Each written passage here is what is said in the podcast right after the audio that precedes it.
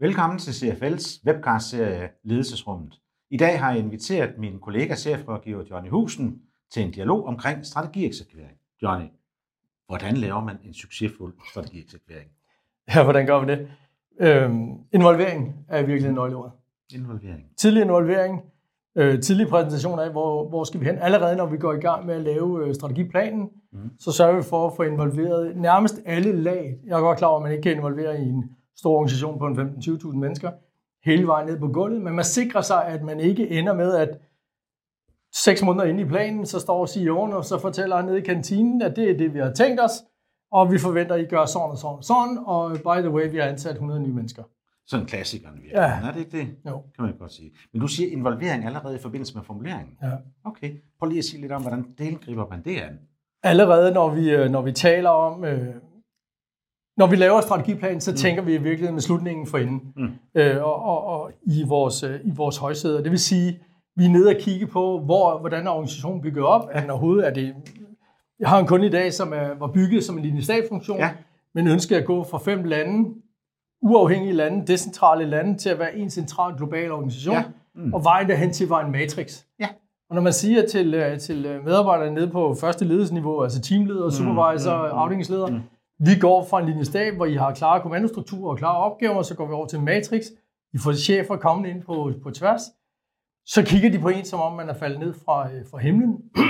så det, vi, øh, det, jeg bruger tid på øh, allerede tidligt, det er virkelig, og det lyder lidt som om, det er lederudviklingstræning, det er at lave forandringstræning. Mm. Øh, åbne deres, øh, Mindset. deres mindset, ja. åbne deres hjerne, åbne deres, øh, i virkeligheden deres arbejdsdag for, at de, når de kommer tilbage, så laver vi små forandringer. Vi laver ikke store øh, disruptions, Nej, som, nej, kan, nej, nej. som kan fylde en masse for folk. Mm. Så vi gør det trygt for dem at være med med det her. De får små memoer ud, de får små, øh, apropos, webcast ud, Ja. hvor vi prøver at definere nogle af opgaverne, nogle af ordene, så når de kommer til møder, når de kommer til workshops, så prøver vi at inddrage så meget vi kan. Så i virkeligheden er det sådan en præparationsøvelse, hvor man arbejder med at, at få skabt en ny mental forestilling om, hvad skal der ske, og hvad handler det her i virkeligheden om, og hvad betyder det for mig, altså som medarbejder, som leder, eller hvad det nu er. Altså i, i, i- startfasen. Det handler om tryghed. Det handler om at skabe tryghed. Det handler om tryghed. Hvis, øh, hvis vi arbejder med tryghed, vi- hvis vi arbejder med en høj grad af information, hvis vi arbejder med en høj grad af involvering, Ja. så sjovt nok, så står vi heller ikke i sidste ende og ikke kan afkræve medarbejdere og ledere ejerskab. Nej, nej. Øh, Jeg møder jo masser af CEOs på min vej, desværre, som øh, kræver af deres ledere, kræver af deres medarbejdere, at de skal tage ansvar, fordi de får jo en fin løn. Mm. Så tag nu noget ansvar. Men de har ikke været involveret, men de har ikke skabt noget engagement, så hvordan skal de nu hen til at tage ejerskab? Mm. Så involvering hen til ejerskab, tryghed for, at de kan tage imod nye ting, Mm. det er vejen frem. Hvordan i alverden kan det være, at der er rigtig, rigtig mange direktioner og direktører, der, der overser lige nok det her? Hvad sådan er det for noget, det handler om? Jeg, jeg tror, der er to ting. Øh, de fleste af dem gør det heldigvis ubevidst. Øh, fordi ellers så vil man jo sige, øh, så er de måske ikke rette ledere på Nej, det, det kan man jo sige. Ja, ja, Så men så, så, så, de gør det ubevidst, men Ja, det er fordi, det er de lever... Ja, de, de, vaner, og så øh, de fleste ledere, jeg møder i dag, det er jo heller ikke fordi, de, øh, de, de sidder ned og keder sig. De er overbebyrdet, de er, de er travlt, de, er, de får nye direktioner, de får nye bestyrelser, det vil sige, de får skiftende strategier, skiftende Ja, målområder. ja, ja, ja. Så får de nye HR-direktører, så skifter de delt ud med også på, øh, på de interne processer. Ja. Og alt det i sig selv gør, at når de så endelig skal i gang med en reel forandring, mm. så glemmer de at få tændt virksomheden på, at nu skal der reelt ske noget nyt. Vi skal nok tage med hele vejen. Mm. Og dem, der ikke kan, de får noget hjælp. Mm. Og typisk så er det i virkeligheden mellemlederen, der ikke kan. Ja. Øhm, Og som heller ikke har været involveret i processen, hører jeg dig sige. ja, ja. Og så er der faktisk grundlag for, at der ikke rigtig sker noget nyt.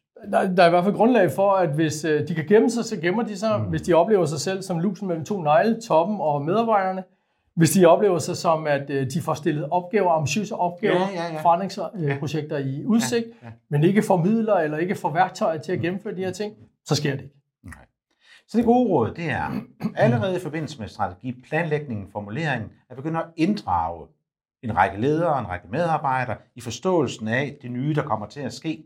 Du tager det, jeg hørte du sige noget med lidt drøbvis, altså stille og roligt præparere, arbejde med den mentale forestilling og indstilling og, og holdning til det nye, for på den måde at så skabe en, ja, noget buy-in på det, at, at der kommer til at ske noget andet. Ja, og så skal man jo huske, at øh, typisk i forskellige kulturer rundt omkring i Ja, verden, selvom ja. vi gerne vil have én virksomhedskultur. Ja, hvis vi nu så, taler øh, globalt. Hvis vi taler Ja, globalt ja. så i Danmark, der er vi altid øh, kendt for at være åbne og hyggelige Ja, ja. og transparente og Ja. direkte. Ja.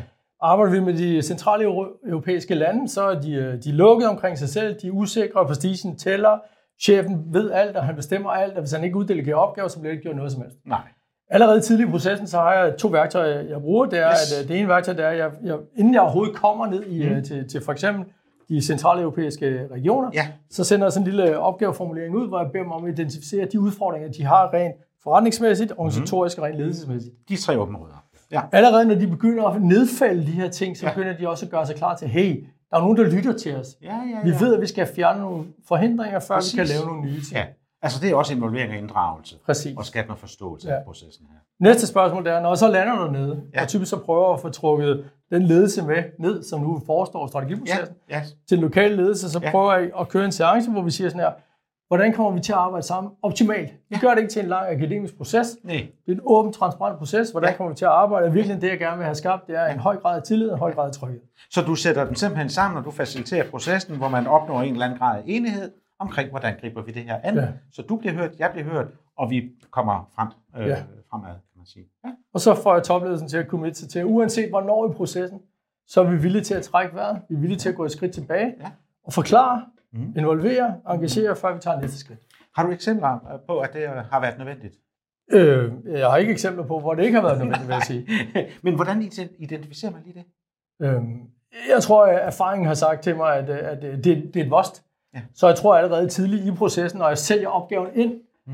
så, øh, så kommer, øh, når jeg sender mit oplæg afsted til, til Mm. den her virksomhed, der skal købe ind på det, så kigger de altid på mig og siger sådan her, hvorfor er der så meget foran selve Mm. processen? Mm. Og i Ja. princippet så er det foran processen, det er virkelig for at gøre hele organisationen klar til, at Klar. der kommer noget nyt. Ja, så man kan eksekvere succes. Ja, og det betyder ikke, at vi ikke kan lave ekstern og intern analyse samtidig med, at vi gør det her. Nej, nej. Men vi gør organisationen klar til Så du forandring. kører som delvis øh, parallel proces, lidt for skudt sandsynligvis, Ja. men, men ellers sådan parallel. Ja. ja. Og, og det der med at, at kigge tilbage, lige gå tilbage, altså som, jeg- som jeg tænker, det, det, det er jo vigtigt, tage lidt tid til refleksionen, mm. og gå tilbage og sige, er vi nu enige om det, vi skal være enige om? Ja. Altså, realitetsteste det. Det er jo næsten i bedste Bongay-stil og hans... Det er 100% i hans De- de, backbrief-stil. Ja, men, præcis. Ja. Øh, men, men det, der i virkeligheden ligger til grund for det her, det er, at øh, typisk så er der også en masse misforståelser. Ja. Der er sprogbarriere. Jeg har lige Ja. været i de latinamerikanske Ja. lande. Mm. De taler portugisisk og spansk. Ja. Det er ikke typisk skoleengelsk. Det er ikke typisk dansk. Nej. Så allerede der er der nogle oversættelsesudfordringer. Ja. Så, som kræver netop, at man, man genbesøger, kan man sige, noget af det, der skal ske. Det skal man være villig til. For at være sikker på, at Ja. det i virkeligheden lykkes. Så det skal man afsætte tid til. Det skal man. Det er ikke spild af tid, det er faktisk en nødvendighed for at komme i mål. I princippet kan man jo kigge på en strategiudviklingsproces, der er succesfuld, når man eksekverer den, Ja. som en organisationsudviklingsproces samtidig. Så har man lavet det samtidig Ja. med. Og det er egentlig noget af det, der skal til, netop for at, at komme i mål med det, der typisk er en forandring i, i virksomhedens virke, eller i virksomhedens processer, eller i virksomhedens organisering, Præcis. og dermed i forhold til, til ledelsen.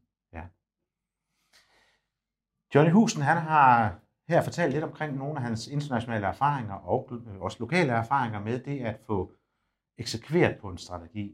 Der er noget af det, som jeg tænker er rigtig vigtigt at være opmærksom på, netop det der med at sikre den behørige tid til at få involveret organisationen allerede tidligt i processen, og sikre, at man ikke bare bliver hørt, men faktisk engang imellem genhørt nogle gange, for at sikre, at alle niveauer, ledelsesniveau 1 og 2, er enige om, hvad det egentlig betyder, det de skal gøre, og niveau 2 og 3 og så fremdeles.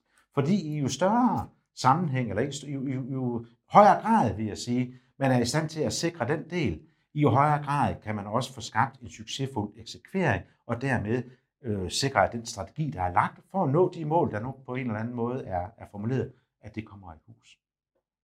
Har du brug for sparring omkring selve eksekveringen, som oftest er det, der er allersværest i sådan en strategiproces, så skal du ikke tøve med at tage fat i husen eller andre af vores strategieksperter. Kig ind på vores site, der er kontaktoplysninger. Tak til dig, Johnny. Tak skal du. Og tak til dig.